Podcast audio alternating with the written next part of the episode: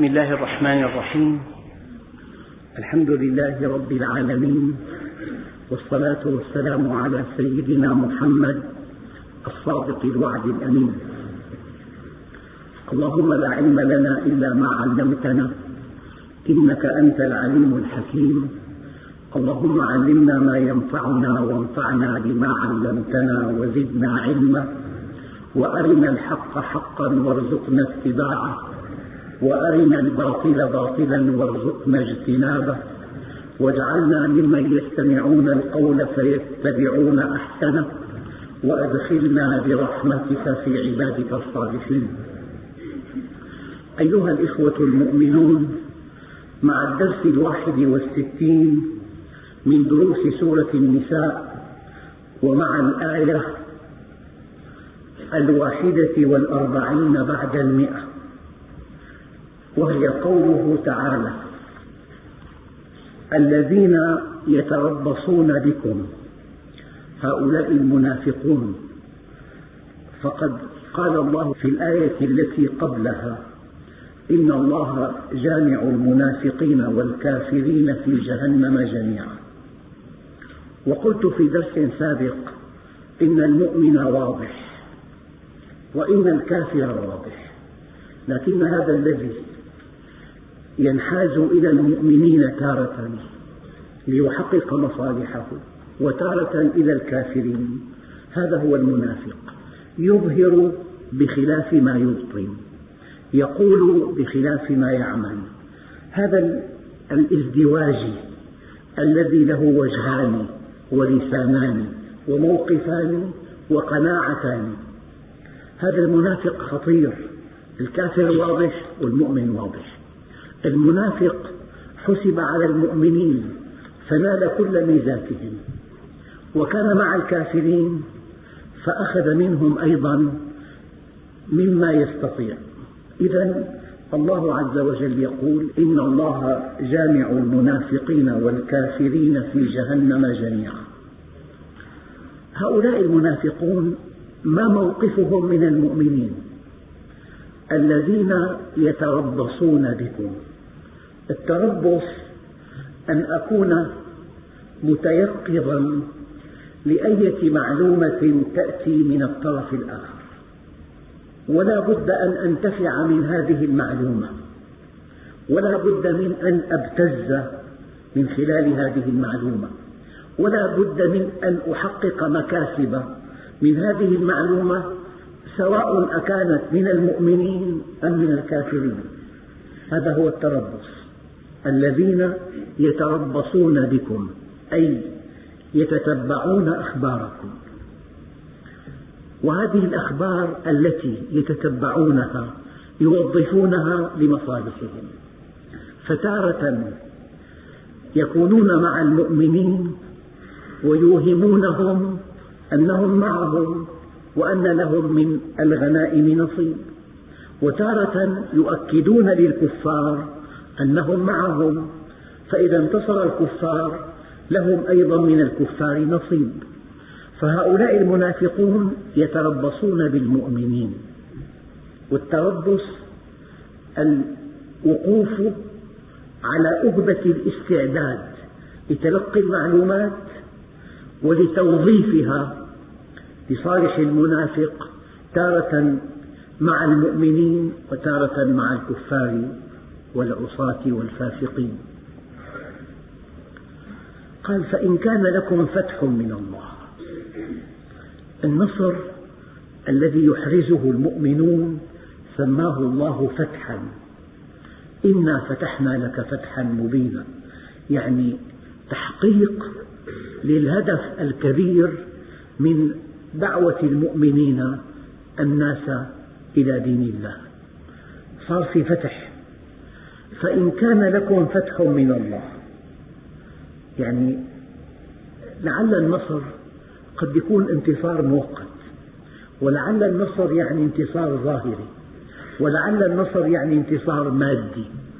أما الفتح نجاح الدعوة.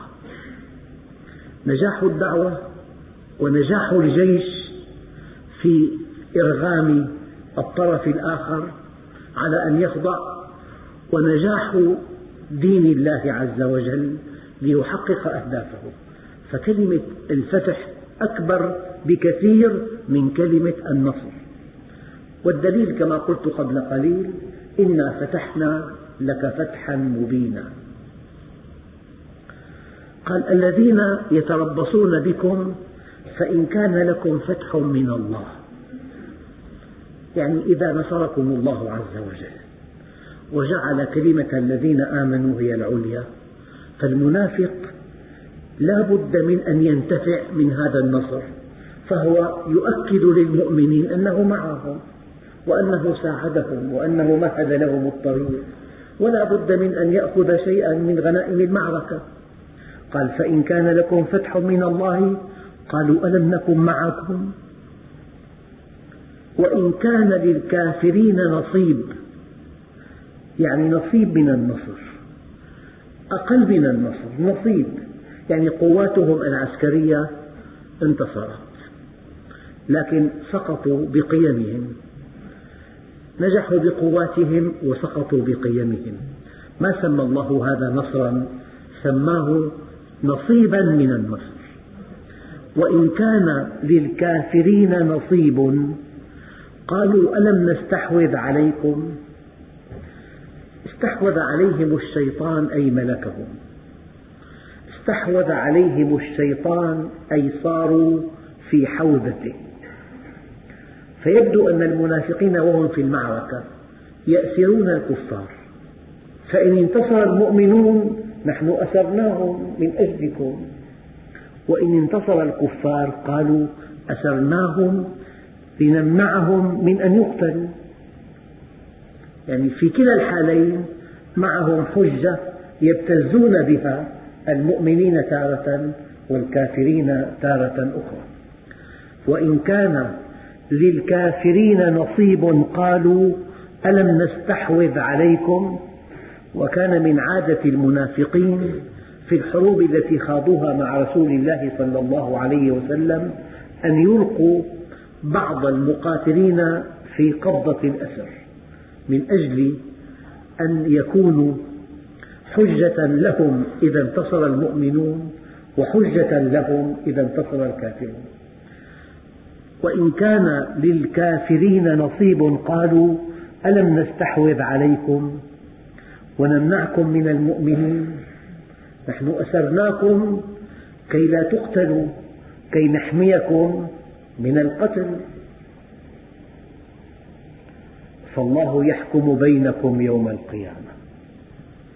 أيها الإخوة قد تتساءلون لم لم يقل الله عز وجل فالله يحكم بينكم في الدنيا يوم القيامة؟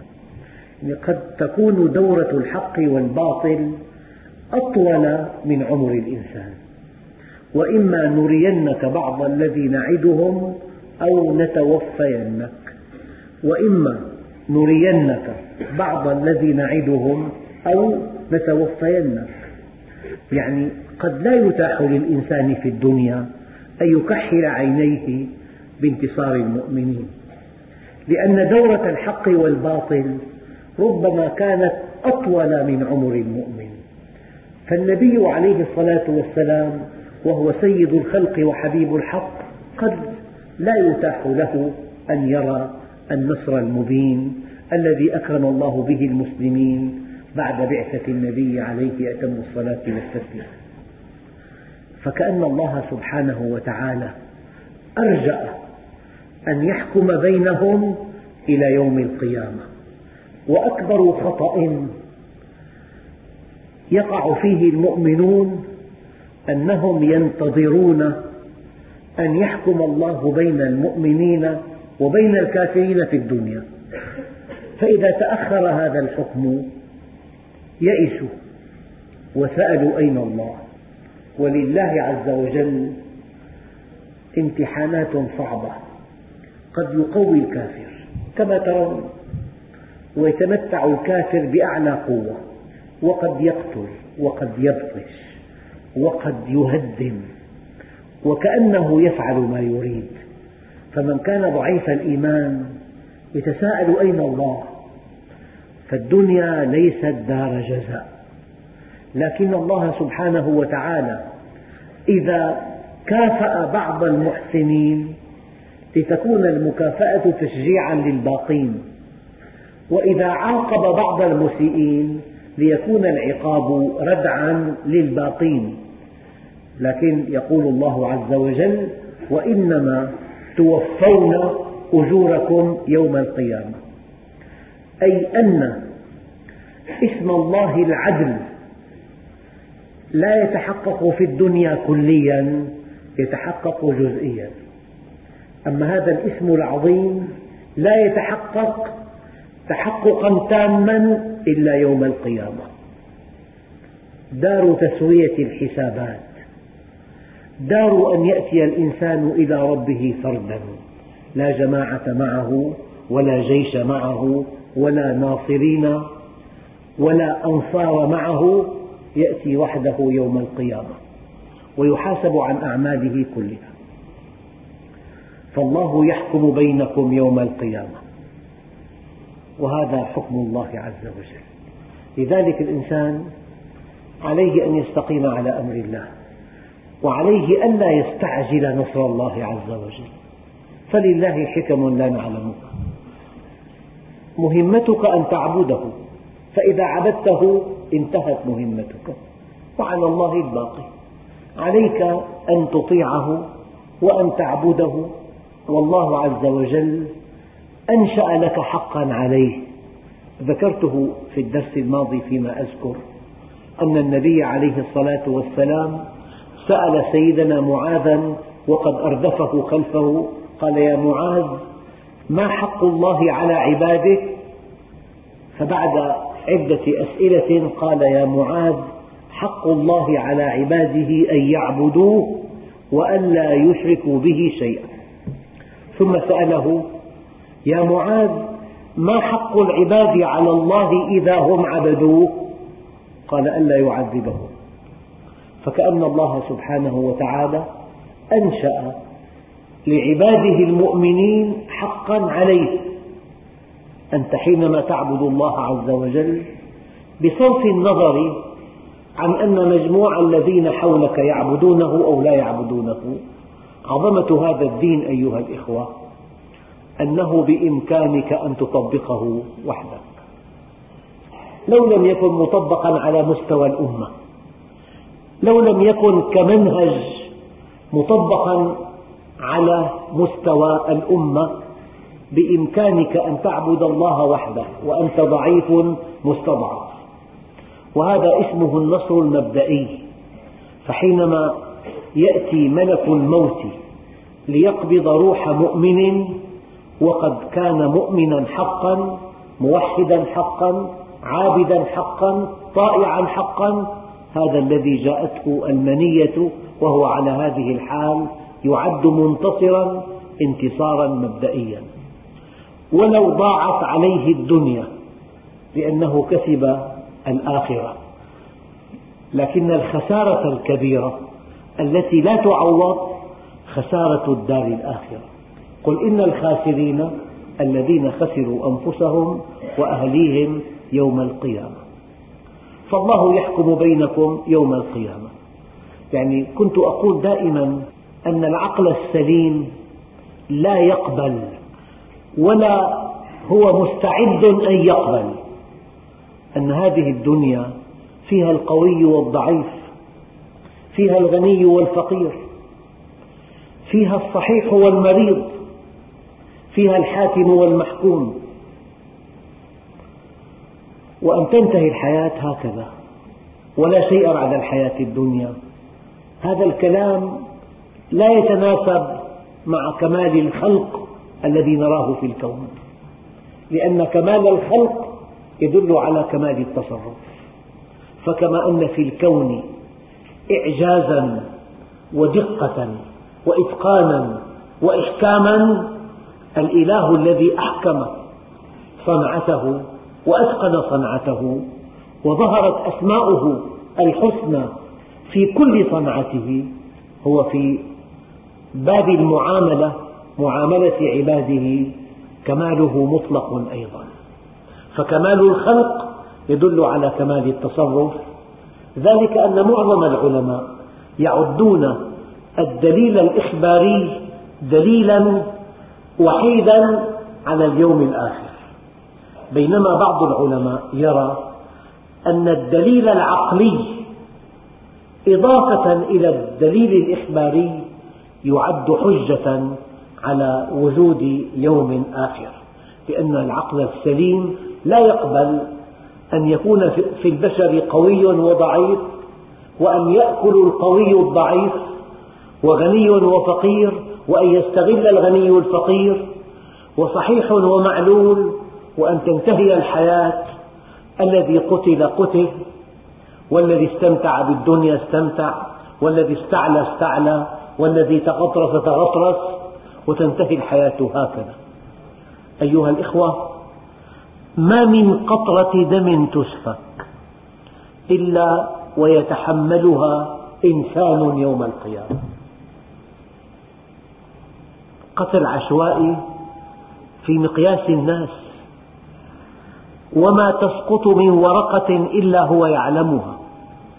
الأمر بمنتهى الدقة والأمر بمنتهى الحكمة ولكن لا يعقل أن تصل إلى حكمة الله بعقلك إلا بحالة مستحيلة أن يكون لك علم كعلم الله. أيها الإخوة نحن قد لا ننتبه إلى أن الخطأ موظف للصواب. الخطأ في أصل وجوده موظف للصواب. يعني يروى أن أكبر عالم في النحو سيبويه كان عالم قراءات لحن في كلمة في جمع غفير فذابت نفسه خجلا فعكف على قراءة النحو وصار من أكبر علماء النحو. خطأه وظف ليكون أكبر عالم نحو. حتى الإمام الشاطبي أيضا سبب عكوفه على علم أصول الفقه أنه أخطأ في مسألة في مقتبل حياته في علم الأصول. فعكف على دراسة العلم وصار أكبر عالم من علماء الأصول. والذي يحدث الآن شيء صعب جدا لكن لكن الله يوظفه لخير المسلمين مع أن العالم كله يحارب المسلمين مع أن هناك حربا عالمية ثالثة معلنة على المسلمين ولكن هذا لصالح المسلمين هي إيقاظ لهم هي دفع لوحدتهم دفع لاستقامتهم. دفع لتوبتهم دفع إلى أن يأخذوا دينهم مأخذا تطبيقيا لا مأخذا استعراضيا. لأن الذي وقع وقع أراده الله. لأن الذي وقع وقع بعلم الله. وقع بتقدير الله. وقع إذ سمح الله له أن يقع. ولا يعقل أن يقع في ملك الله ما لا يريد. إذا فالله يحكم بينكم يوم القيامة. بالمناسبة يعني في آيات كثيرة ومن أبرزها أن الله سبحانه وتعالى يقول وإن منكم إلا واردها.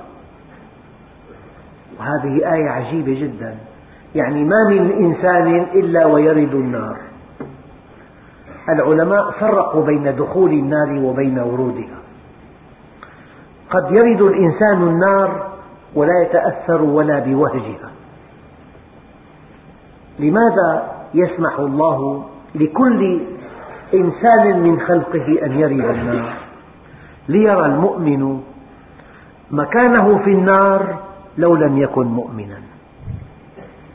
تتضاعف سعادته في الجنة إذ يشعر أنه نجا من هذه النار المحرقة. وليرى المؤمن في النار. هؤلاء الذين طغوا وبغوا وتغطرسوا واستعلوا كيف أن عدل الله يلاحقهم. وأن الله سبحانه وتعالى حينما قال ولا يحسبن الذين كفروا سبقوا إنهم لا يعجزون. ولا تحسبن الله غافلا عما يعمل الظالمون إنما يؤخرهم ليوم تشخص فيه الأبصار. وكل متوقع آت وكل آت قريب. بل إن كل واحد يأتيه ملك الموت تكشف له الحقائق التي كشفت للأنبياء ولو كان كافرا. ألم يقل فرعون أنا ربكم الأعلى؟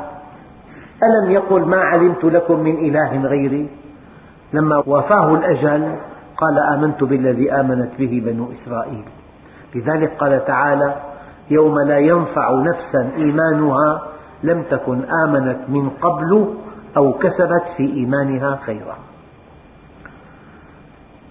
ثم يقول الله عز وجل ولن يجعل الله للكافرين على المؤمنين سبيلا فكيف إذا كان لهم علينا ألف سبيل وسبيل؟ في أصل سنة الله في خلقه أنه لا يمكن أن يكون للكافر على المؤمن من سبيل إلا إذا قصر المؤمن. يعني الدنيا بالأسباب. لو أخذ الكافر بالأسباب وأتقنها قطف نتائجها. ولو عصى المؤمن فلم يأخذ بالأسباب. ينتصر عليه الكافر لأنه عصى بتركه الأخذ بالأسباب. وكأن الموقف الكامل أن تأخذ بالأسباب وكأنها كل شيء ثم تتوكل على الله وكأنها ليست بشيء. الكافر أخذ بالأسباب وأتقن الأسباب وأخذ نتائج الأسباب. وقطف ثمار سعيه فكان قويا في الدنيا وما له في الآخرة من خلاق. والمؤمن مأمور أن يأخذ بالأسباب لأن الله عز وجل يقول وأعدوا لهم ما استطعتم من قوة.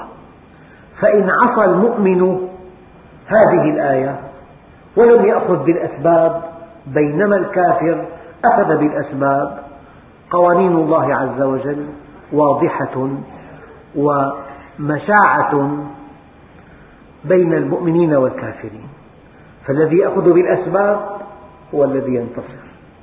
والذي يعصي الله فلا يأخذ بها لا ينتصر. أيها الإخوة طبعا أنت حينما تأخذ بالأسباب المتاحة لك فقط ولو كان بينك وبين العدو فرق كبير في التسليح فالله عز وجل يتولى ترميم هذا الفرق.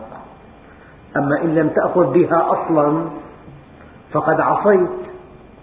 والقصة أيها الإخوة أن الغرب أخذ بالأسباب واعتمد عليها وألهها فأخذ ثمارها في الدنيا فقط.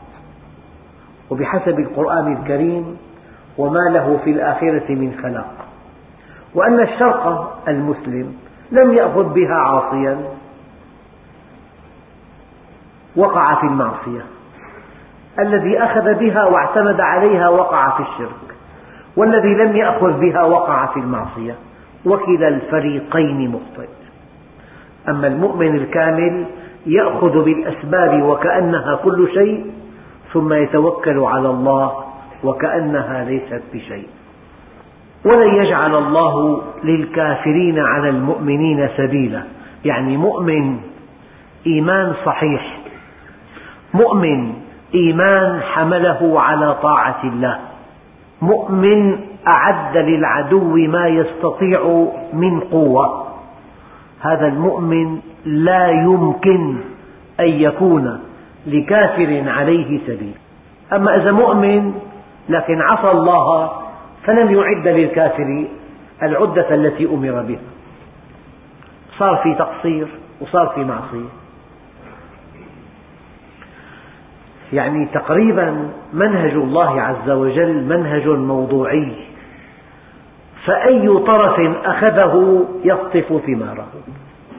إن أخذه لمصلحته في الدنيا يقطف ثماره في الدنيا. وإن أخذه عبادة لله عز وجل يقطف ثماره في الدنيا والآخرة. إن أخذه من أجل الدنيا يقطف ثماره في الدنيا. وإن أخذه من أجل الآخرة يقطف ثماره في الآخرة وفي الدنيا. هذه آية دقيقة جدا. ولن تفيد تأبيد المستقبل. ولن يجعل الله للكافرين على المؤمنين الذين آمنوا حق الإيمان والذين أعدوا لعدوهم الإعداد المتاح لهم. هؤلاء لن يجعل الله للكافرين عليهم سبيلا. فإن كان للكفار عليهم سبيل بل ألف سبيل فهناك خلل خطير. إن في عقيدتهم وإيمانهم وإن في سلوكهم واستعدادهم.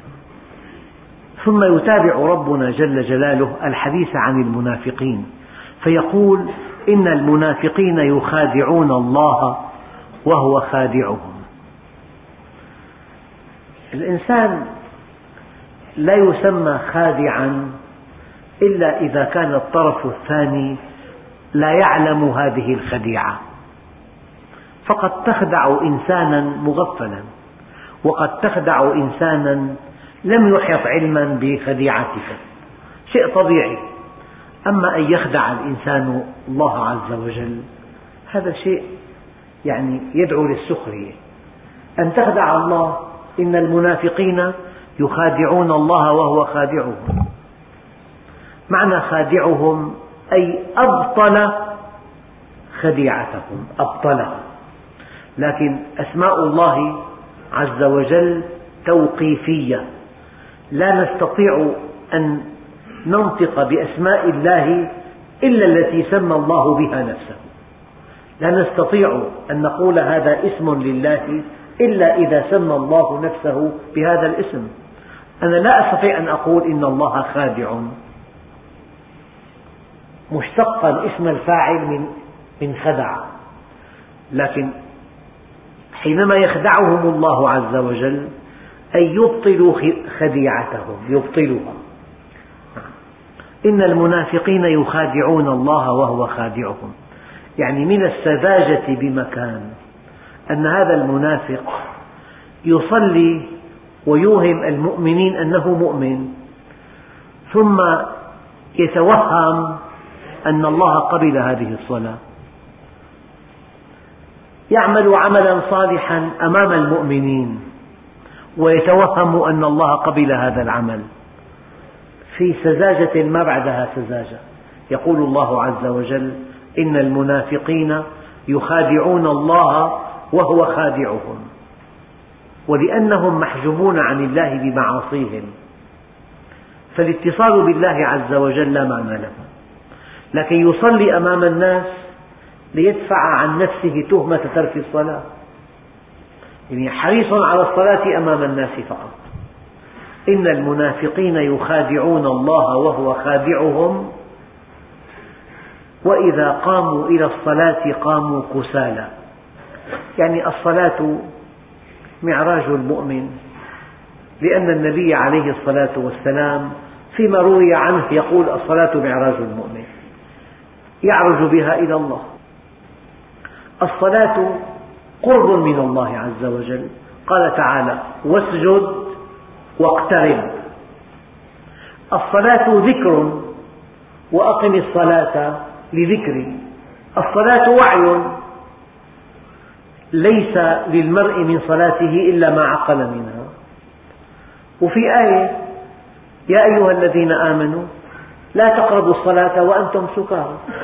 حتى تعلموا ما تقولون. الآية منسوخة لكن ماذا نستفيد منها؟ حتى تعلموا ما تقولون. فالذي يصلي ولا يعلم ما يقول هو في حكم السكران. إذا الصلاة عقل الصلاة عروج إلى الله والصلاة قرب منه والصلاة ذكر له والصلاة عقل والصلاة نور. كما قال عليه الصلاة والسلام. نور يلقى في قلب المصلي فيرى بهذا النور الحق حقا والباطل باطلا. يعني يصعب كثيرا أن يقع المؤمن في ورطة كبيرة لأن في قلبه نور ولأن طاعته لله تحرسه عن أن يقع في خطأ فاحش. أيها الإخوة الكرام الصلاة نور والصلاة طهور. أما أنها نور فلأن الله سبحانه وتعالى يقول يا أيها الذين آمنوا اتقوا الله وآمنوا برسوله يؤتكم كفلين من رحمته. يعني كفالة في الدنيا وكفالة في الآخرة. ويجعل لكم نورا تمشون به. المؤمن بقلبه نور. هذا نور الله عز وجل. يريه الحق حقا والباطل باطلا. يريه الخير خيرا والشر شرا. فالصلاة نور والصلاة حبور سعادة. أرحنا بها يا بلال. أرحنا بها. طهور. مؤمن حقود ما في. مؤمن مخادع ما في. مؤمن متكبر. مؤمن دنيء النفس. مؤمن كذاب. مؤمن خائن مستحيل. لأن الصلاة تطهر هذا المؤمن من كل أدرانه. فالصلاة طهور والصلاة نور والصلاة حبور سعادة. والصلاة معراج المؤمن والصلاة ذكر والصلاة وعي وعقل والصلاة قرب. وليس كل مصل يصلي. إنما أتقبل الصلاة ممن تواضع لعظمتي وكف شهواته عن محارمي ولم يصر على معصيتي وأطعم الجائع وكسى العريان ورحم المصاب وآوى الغريب كل ذلك لي. وعزتي وجلالي إن نور وجهه لأضوأ عندي من نور الشمس على أن أجعل الجهالة له حلما والظلمة نورا. يدعوني فألبيه ويسألني فأعطيه ويقسم علي فأبره. أكلأه بقربي وأستحفظه ملائكتي. مثله عندي كمثل الفردوس لا يمس ثمرها ولا يتغير حاله. فالمؤمن يقوم إلى الصلاة متشوقا إلى الله. المؤمن يقوم إلى الصلاة ولسان حاله كما قال عليه الصلاة والسلام أرحنا بها يا بلال. المؤمن إذا صلى يرتاح يرتاح. ولا سيما إذا صلى الصلاة على وقتها. يشعر أنه في رحمة الله في حفظ الله كأنه تحت مظلة الله عز وجل. قال المنافق وإذا قاموا إلى الصلاة قاموا كسالى لأن المنافق محجوب عن الله بنواياه السيئة وبعمله السيء فالصلاة لا معنى له عنده. وهذا يؤكده قوله تعالى وإنها لكبيرة إلا على الخاشعين. هي كبيرة يعني ثقيلة إلا على الخاشع أنه موصول مع الله عز وجل.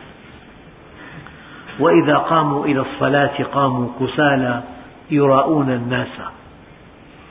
يعني هذا الذي يبتغي بعمله سمعة أو مكانة.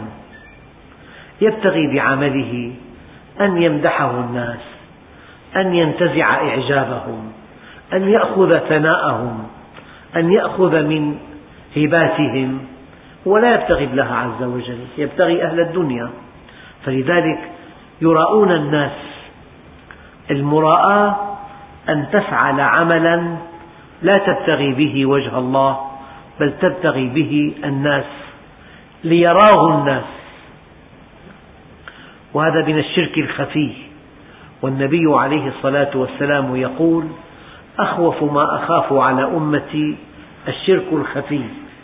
أما إني لست أقول إنكم تعبدون صنما ولا حجرا ولكن شهوة خفية وأعمال لغير الله.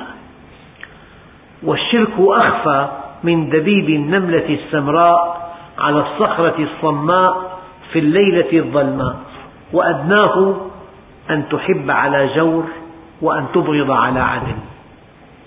يعني تحب إنسانا ليس مستقيما. هذا من الشرك. أو أن تنزعج أشد الانزعاج من نصيحة مخلصة صادقة أزجيت إليك. كلاهما شرك.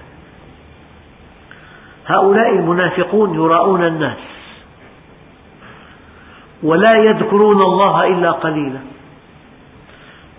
الأمر الإلهي يا أيها الذين آمنوا اذكروا الله ذكرا كثيرا وسبحوه بكرة وأصيلا. فالأمر ينصب على الذكر الكثير لا على الذكر القليل. القليل يفعله المنافقون.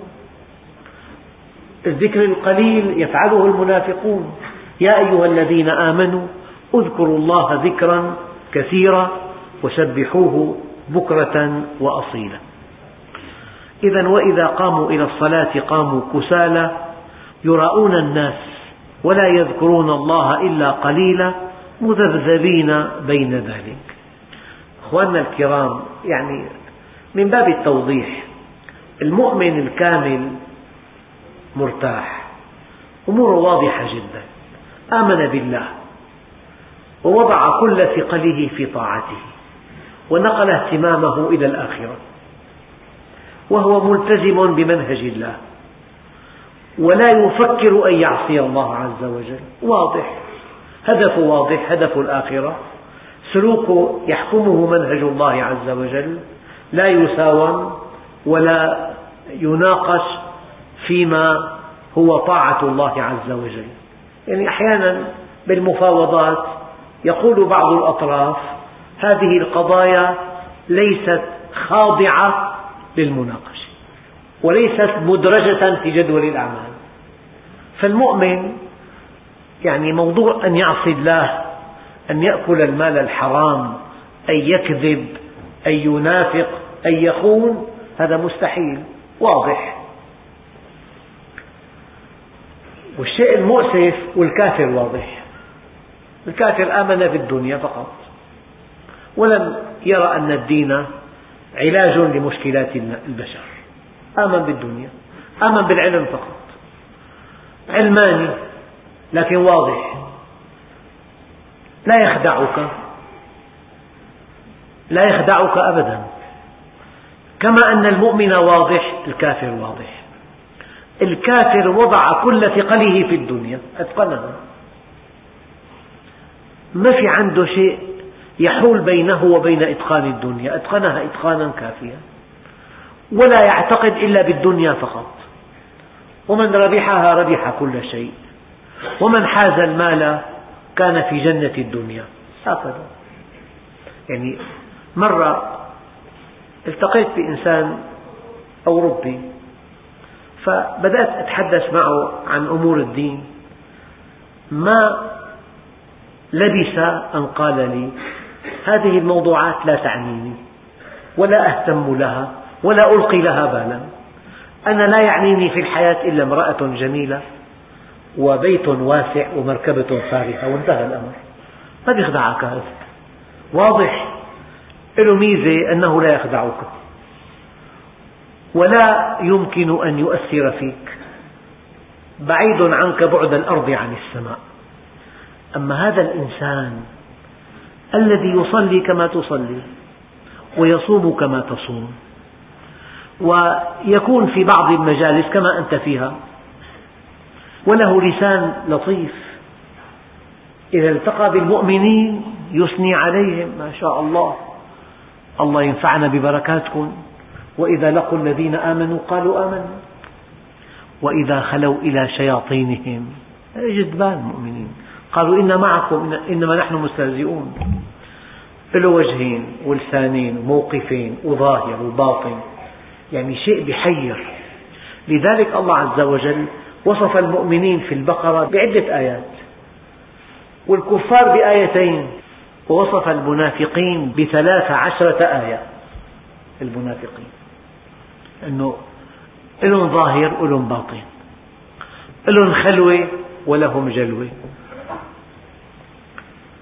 يعني ذكرت اليوم في الخطبة أنه أيام المنافق إذا كان مع المؤمنين يتصنع غض البصر ليحافظ على مكانته عندهم. أما إذا لم يكن مع المؤمنين أطلق لبصره العنان. فقال الله عز وجل يعلم خائنة الأعين. العين تخون تنضبط مع المؤمنين ولا تنضبط بعيدا عنهم فلذلك الله عز وجل قال مذبذبين بين ذلك. المؤمن واضح وقطف ثمار إيمانه في الدنيا وفي الآخرة. الله عز وجل حفظه ووفقه وأعلى مقامه ورفع ذكره. والكافر أنكر الآخرة وأتقن الدنيا فقطف ثمار كفره في الدنيا فقط. في الدنيا أتقنها إتقانا شديدا. أما هذا المنافق محسوب على المؤمنين وهو مع الكافرين. كما قلت قبل قليل له ظاهر وله باطن. له موقف معلن وله موقف باطن داخلي. له جلوة منضبط بها مع المؤمنين وله خلوة متحلل بها من قيم الدين. عليم اللسان جاهل القلب. معك بلسانه عدو لك بقلبه. هذا المنافق لأنه أخذ ميزات المؤمنين وحسب عليهم وأخذ ميزات الكفار في التفلت من منهج الله. هذا مكانه يوم القيامة في الدرك الأسفل من النار. إن المنافقين في الدرك الأسفل من النار. إن المنافقين يخادعون الله وهو خادعهم. لا بد من أن يفضحهم. وإن أحدكم ليعمل بعمل أهل الجنة هو ليس مؤمنا إطلاقا لكنه يعمل بعمل أهل الجنة من أجل الدنيا حتى ما يكون بينه وبينها. باع أو ذراع سبق عليه القول بفضيحتهم. فعمل بعمل أهل النار فدخلها. فالله عز وجل يخدعهم أي يكشفهم ويفضحهم ويحد من مؤامراتهم وخديعتهم. وإذا قاموا إلى الصلاة قاموا كسالى يراءون الناس ولا يذكرون الله إلا قليلا مذبذبين. بين ذلك لا إلى هؤلاء ولا إلى هؤلاء. يعني أكاد أقول أن الكافر كمان ارتاح في الدنيا. كيف ارتاح؟ قام الآخرة من, من, من ذهنه إطلاقا. ما عنده إلا الدنيا. لا بيصلي ولا بيصوم ولا بيحضر درس علم. يتقن عمله فقط. يعبد المال. يعني في الدنيا ما في عنده اضطراب.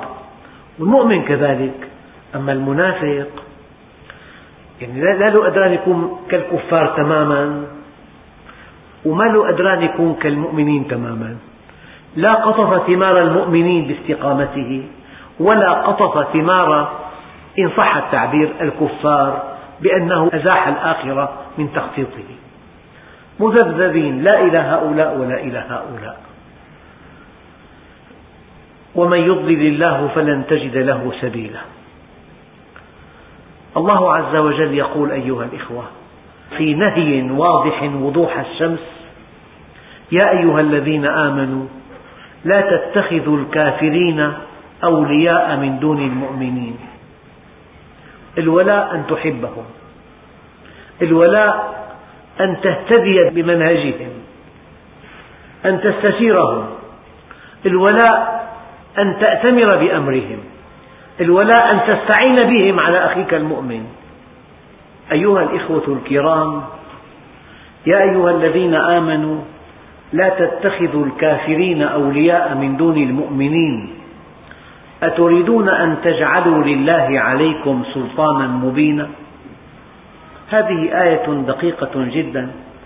إن شاء الله نشرحها بتوفيق الله في الدرس القادم. والحمد لله رب العالمين.